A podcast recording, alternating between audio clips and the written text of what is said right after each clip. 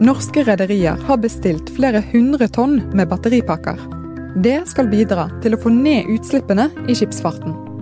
Hvordan påvirker dette industrien? Og hvor mye monner det egentlig å sette batterier på skip? Du hører på Det vi lever av, en podkast fra Sysla. Jeg heter Sigrid Haaland.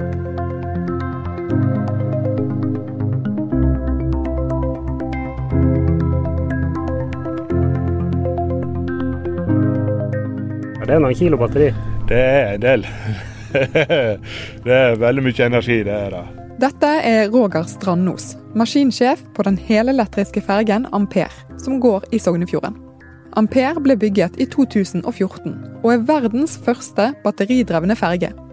Kollegaen min, Gerhard Flåten, var om bord og fikk se den enorme batteripakken som driver fergen. Dette er jo litiumbatteri. eh, består seg ut av batterier. Det er jo samme som vi har på mobilene våre. så det, jo, Jeg var jo egentlig kjent med den. Det er flere fordeler med en batteridrevet ferge. Mindre utslipp og mindre støy. Men det er òg et faremoment som de frykter mer enn noe annet. Et batteri greier ikke å slukke. Det eneste store faren, det er brann. Og det er slik på alle fartøy, egentlig. Det er vår største skrekk. Jeg prøvde å se om det har vært noe større ulykke med batteri på båter. Jeg klarte ikke å finne den. Nei, det, det er såpass ferskt i markedet og ellers i bruk at eh, det er ikke noe som har fått oppleve det ennå. Siden Ampere ble bygget, så har det skjedd mye innen batteribruk på norske fartøy. Og enda mer skal skje i årene som kommer. Så hvordan brukes batteri i de forskjellige segmentene i den maritime industrien? Og hvor mye har denne enorme satsingen egentlig å si i det store bildet?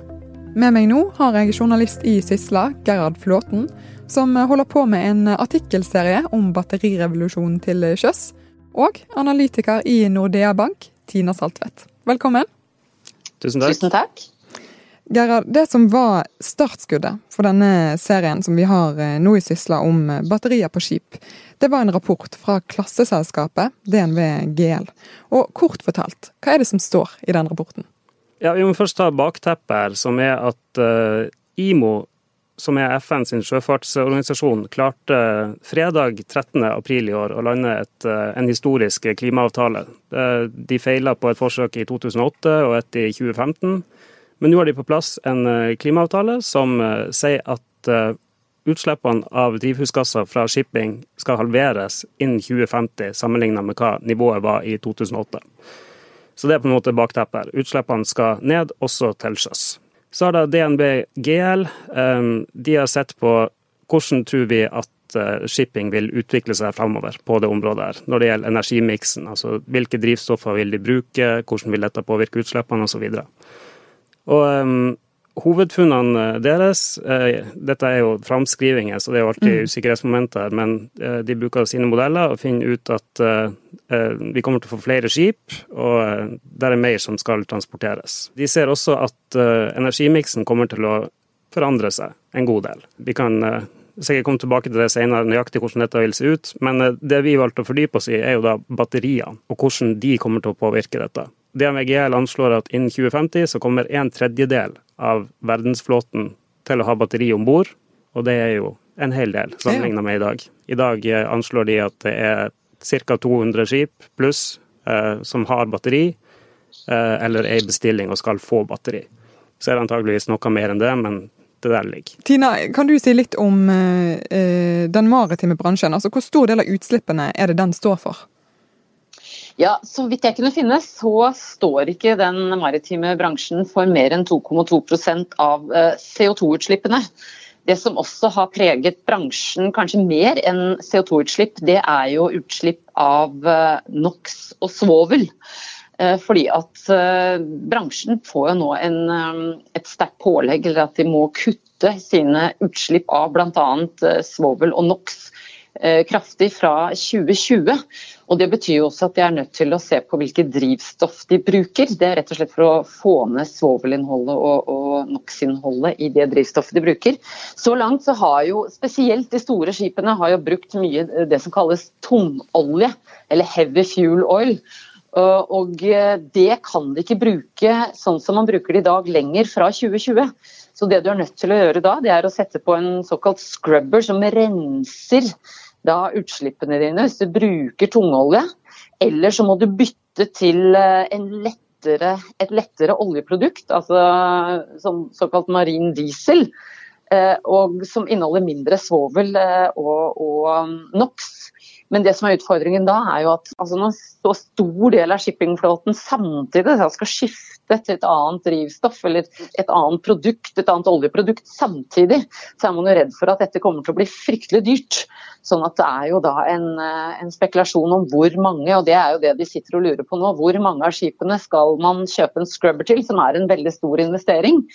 Eh, og satse på, at, uh, satse på at konkurrentene da går over til en lettere type olje, altså denne marin diesel. Uh, eller skal man da skifte til marin diesel og håpe på at mange andre kjøper en scrubber og bruker da tungolje. Så Det er et sånt veddemål man sitter og gjør nå, og det er ikke gitt hvilken vei det kommer til å gå. Og bare for å skyte inn, altså Batteriperspektivet i, i det du sier nå, er jo at uh, de skipssegmentene som bruker som slipper ut mest, er jo de store containerskipene, de store bulkskipene, de store eh, tankbåtene eh, som går på verdenshavene. For de er jo ikke batteriet et alternativ, sånn som det er i dag. Altså, det, er ikke, det er ikke på de båtene her du kommer til å finne batterier. Vi skal komme litt tilbake til eh, hvilke segmenter eh, man faktisk eh, satser hardest på batteri men, men du nevnte årstallet 2050. Gerhard, utslippene skal drastisk ned innen 2050. Det er jo en stund til, så hvorfor må man begynne allerede nå? Det er jo først og fremst fordi at eh, dersom man skal nå disse drastiske målene, så, så må man starte med en gang, for dette er ting som tar tid. Levetida på et skip er jo gjerne 30 år. og Det vil si at uh, mange av de båtene som seiler rundt i 2050, kommer mest sannsynlig til å bli bygd i løpet av de neste årene nå. Derfor er det jo viktig for uh, rederiene å ta høyde for hvilke krav er det som kommer? Eh, hvilke teknologi kan vi implementere for å oppfylle de kravene her? Du har jo bl.a. skrevet om eh, Color Line, som skal ha dieselelektrisk eh, framdrift og en gigantisk batteripakke på 65 tonn. Hvorfor er batteriene så store? Det er jo fordi at det er så langt teknologien har kommet. De baserer seg fortsatt på litiumbatterier, som egentlig er en måte Hovedtrekkene i den teknologien er like som de har vært i årevis. Og så klarer de hele tida å, å, forbedre litt og forbedre litt, men det der er ingen um, store gjennombrudd der på trappene. Så de batteriene her er enorme. På Color Hybrid som vi snakka om, så er det 65 tonn batterier. Havila Kystruten skal inn med batteripakker som er 86 tonn. Mm. Um, se for deg det. Det er jo massivt. ja. Så det er rett og slett uh, uh, fordi at uh, modninga har ikke kommet lenger. Og så er det jo et aspekt dette med sikkerheten. At et batteri om bord på et skip, for å holde det stabilt, så kreves det bl.a. Vannkjøling i de fleste tilfeller. For å holde temperaturen konstant og holde dette under kontroll. Så det, er liksom store systemer rundt selve battericellen også, for å bevare sikkerheten om bord på en båt. Dette er batterier som skal lades opp kjempefort og lades ut flere hundre tusen ganger i løpet av en eh, livssyklus. Du nevner jo noen av utfordringene knyttet til eh, batterier, Gerhard. Men eh, hvilke andre utfordringer er det, Tina? Batterier i seg selv er jo veldig energikrevende å produsere. Så for å få de renest mulig, så bør, jo, altså, så bør batteri produseres i de landene som har tilgang på mye grønn energi. Så Sånn sett så er jo det egentlig en businessmulighet for Norge, som har tilgang på mye vannkraft, og også nå ser på hvordan man kan utbygge eh, vindkraft og kanskje sol. Eh, for det har jo vært en av utfordringene og kritikken mot nettopp batterier. Altså hvis man ser på, på transport eh, og den fulle syklusen for en bil eller tilsvarende en båt, så sier man at ja, CO2-utslippene for hele syklusen, hvis du tar med batteriproduksjonen, så, så er CO2-utslippene ganske høye ved det, rett og slett fordi de bruker mye energi. Så bruk av grønn energi til å produsere det, det ville selvfølgelig hjelpe. Og så er det et annet aspekt eh, som vi også må finne ut av, og det er hva skjer med batteriene når de er ferdig brukt i en båt f.eks. Hvordan altså, eksisterer i dag et andrehåndsmarked for, eh, for uh, batterier, slik at ikke de kastes blir liggende i naturen et eller annet sted, for det er man jo også bekymret for. Så når man har mottakssystem og systemer som gjør at man kan ta det fra hverandre kanskje, eller bruke det i andre settinger, eh, sånn at, sånn at ikke det havner i naturen. Kan du Gerhard, si litt om hva et batteri faktisk gjør på et skip?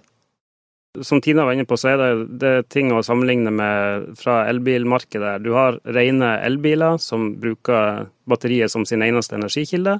Og så har du hybridbiler som både har en bensin- eller dieselmotor og et batteri.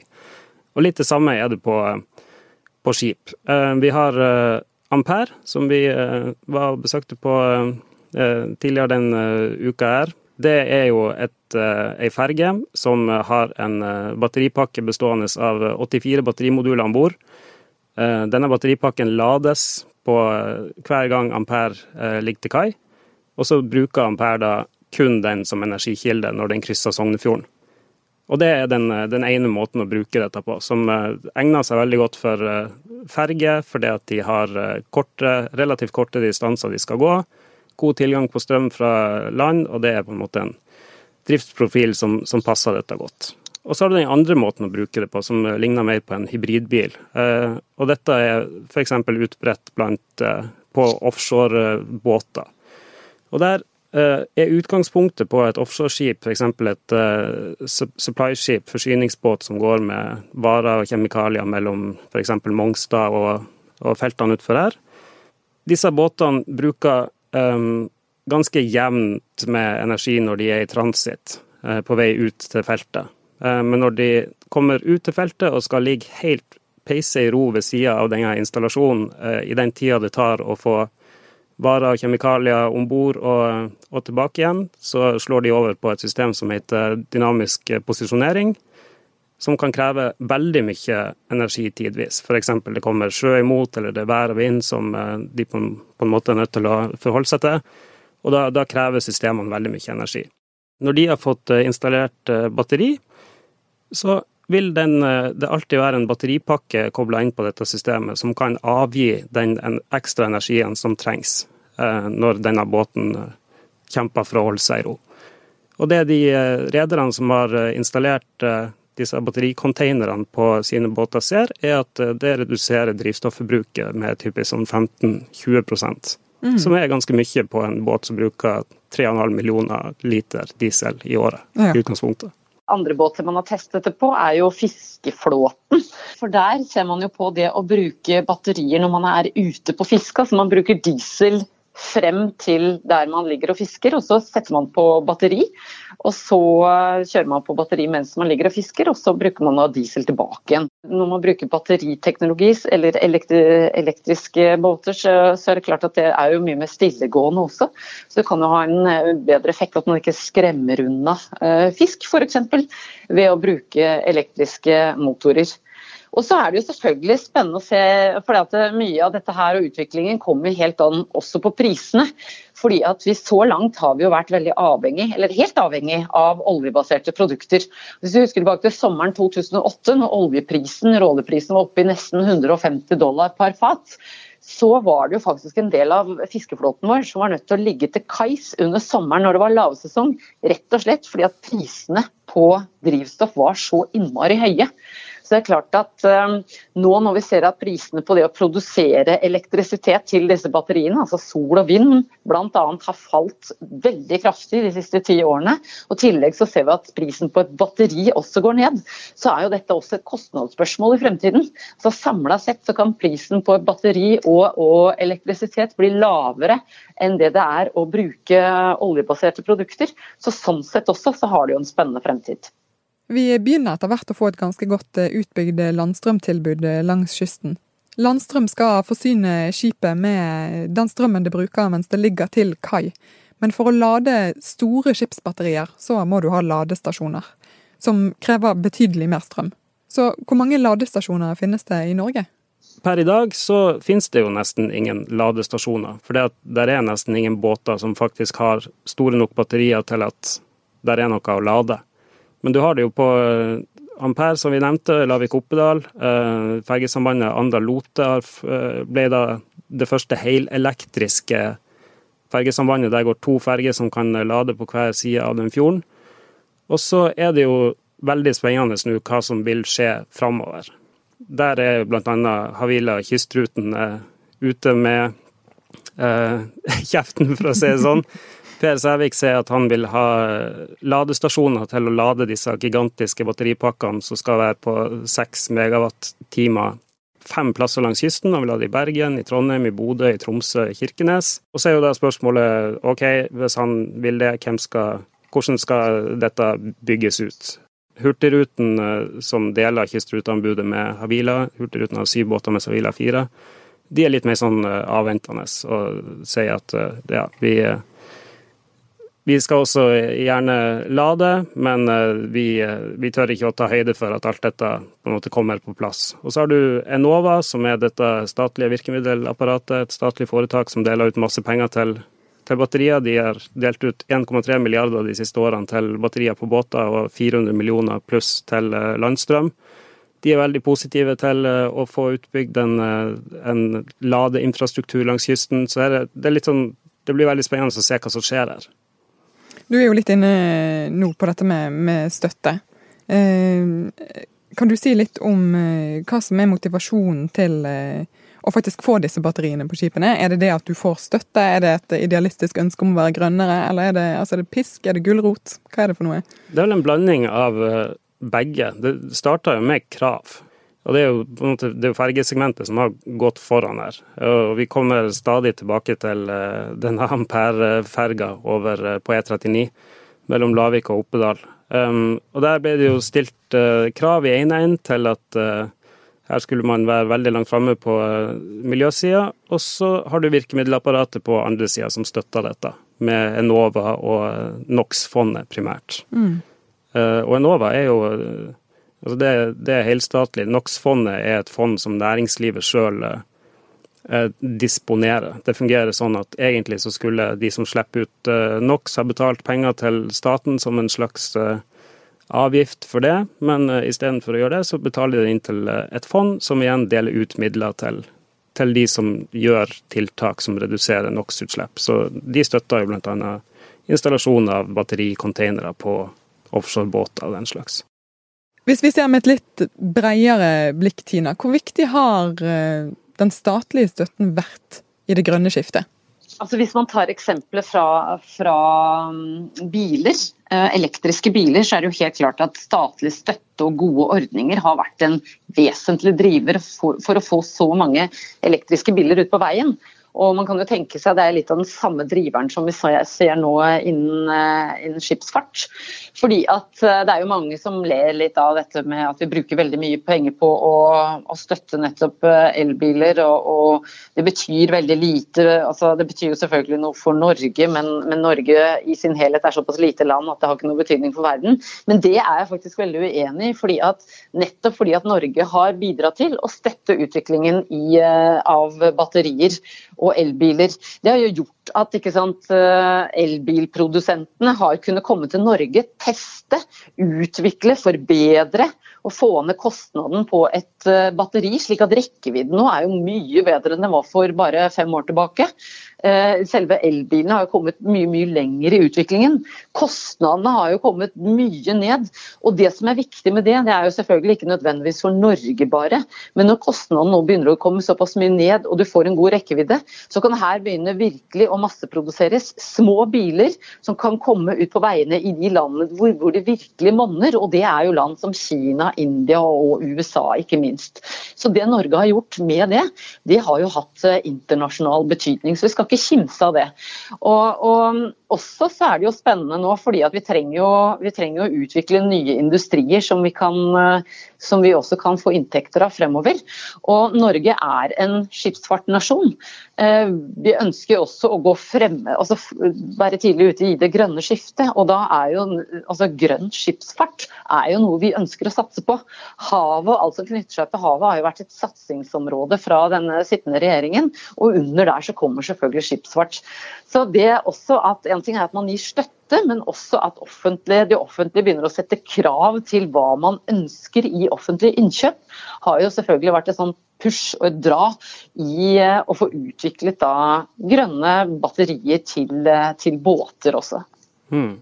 For å skyte han, han Enova-direktøren som vi intervjua tidligere, han sier jo altså det, det, er jo litt åpenbart, egentlig. Men det de ønsker, er jo å støtte batteriprosjekter til man får tilstrekkelig volum på den produksjonen, til at prisene går såpass ned at dette blir konkurransedyktig uten støtte. Mm. Og her til lands så ser vi jo at de største batteriprodusentene er jo her nå. Du har Siemens, som har tidligere vært en systemintegrator, men som nå har begynt å produsere sine egne batterier. Uh, de lager riktignok ikke cellene, de importeres jo selvfølgelig fra, fra Asia. Men um, de har etablert en svær fabrikk på sitt område i Trondheim. Investert 100 millioner kroner der i det som skal være en helrobotisert batterifabrikk før nyttår. Du har Corvus, som er den største leverandøren av skipsbatterier, som eh, etablerte seg i eh, Bergen for en tid tilbake, og nå leter jeg etter et svært område hvor de kan etablere en eh, fabrikk her.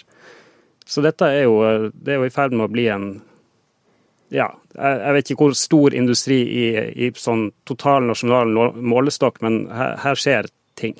Ja, for det er vel riktig å si at innenfor batteribruk på skip, så er Norge verdensledende?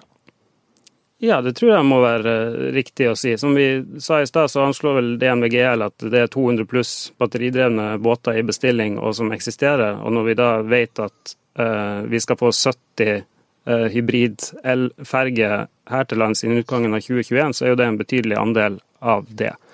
Uh, så veldig mye av det som skjer på batterifronten, skjer jo her i Norge. Så jeg tror det må være riktig å si, ja.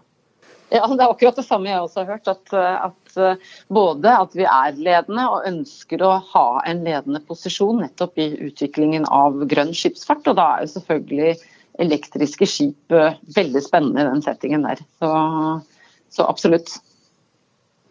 Hvor stor rolle tror du eh, batterier kommer til å spille i det grønne skiftet i framtiden, Tina? Ja, det blir jo litt begrensa på hva man kan bruke det til innen skipsfart. Fordi at eh, altså det fungerer veldig godt på, på nærtrafikk og korte distanser, faste ruter som du vet at du har ladestasjoner i begge ender, sånn som, sånn som ferjen som vi har snakka om. Eh, men for langdistanse, altså Europa Asia, Europa, USA f.eks., så tror jeg faktisk ikke at batteri er et, et, godt alternativ. I hvert fall ikke på 20 år ennå. Sånn at eh, det, det blir for den nære trafikken, den korte trafikken, eh, og gjerne også der som man har faste ruter, så, så tror jeg at det kan være et veldig godt alternativ det harmonerer godt med det som vi hører fra, fra rederiene. Når vi snakker med de store tankrederiene f.eks., så er altså, de vet hva som skjer på batterifronten, men det er ikke et alternativ. fordi du kommer ikke til å få batterier på de båtene her. Altså, kanskje til mindre operasjoner, f.eks. et bulkskip som har kraner. Eh, for de kan det gi mening å, å, installere batterier sånn som Griegstad har gjort, som på en måte batteriet lades idet eh, kran eh, senker ned lasten sin. Eh, men det, det er ikke snakk om å bruke batterier til framdrift. Vi må ikke tro at sånn som verden ser ut nå, i hvert fall, at batterier skal på en måte bli redninga som skal uh, halvere utslippene innenfor shipping innen 2050. Uh, eh, modelleringen til DNVGL sier at um, innen 2050 så kommer jo en tredjedel av verdens båter til å ha batteri om bord, men kun 5% av den energien som disse skipene konsumerer, kommer til å komme fra batterier. Og det er en forsvinnende liten andel av totalen her. Så det må skje, skje andre ting som kan redusere utslippene. Hva disse andre tingene blir, det gjenstår å se. Tusen takk for at dere var med, Gerhard og Tina. Takk. Takk, takk. Og takk for at du hørte på denne episoden av Det vi lever av. Om du vil vite mer om batterirevolusjonen til sjøs, så kan du gå inn på sysla.no og lese i artikkelserien vår der. Og om du har eh, innspill til andre temaer som vi bør snakke om i denne podkasten, så kan du sende en mail til podkast.sysla.no. Det er altså podkast med K.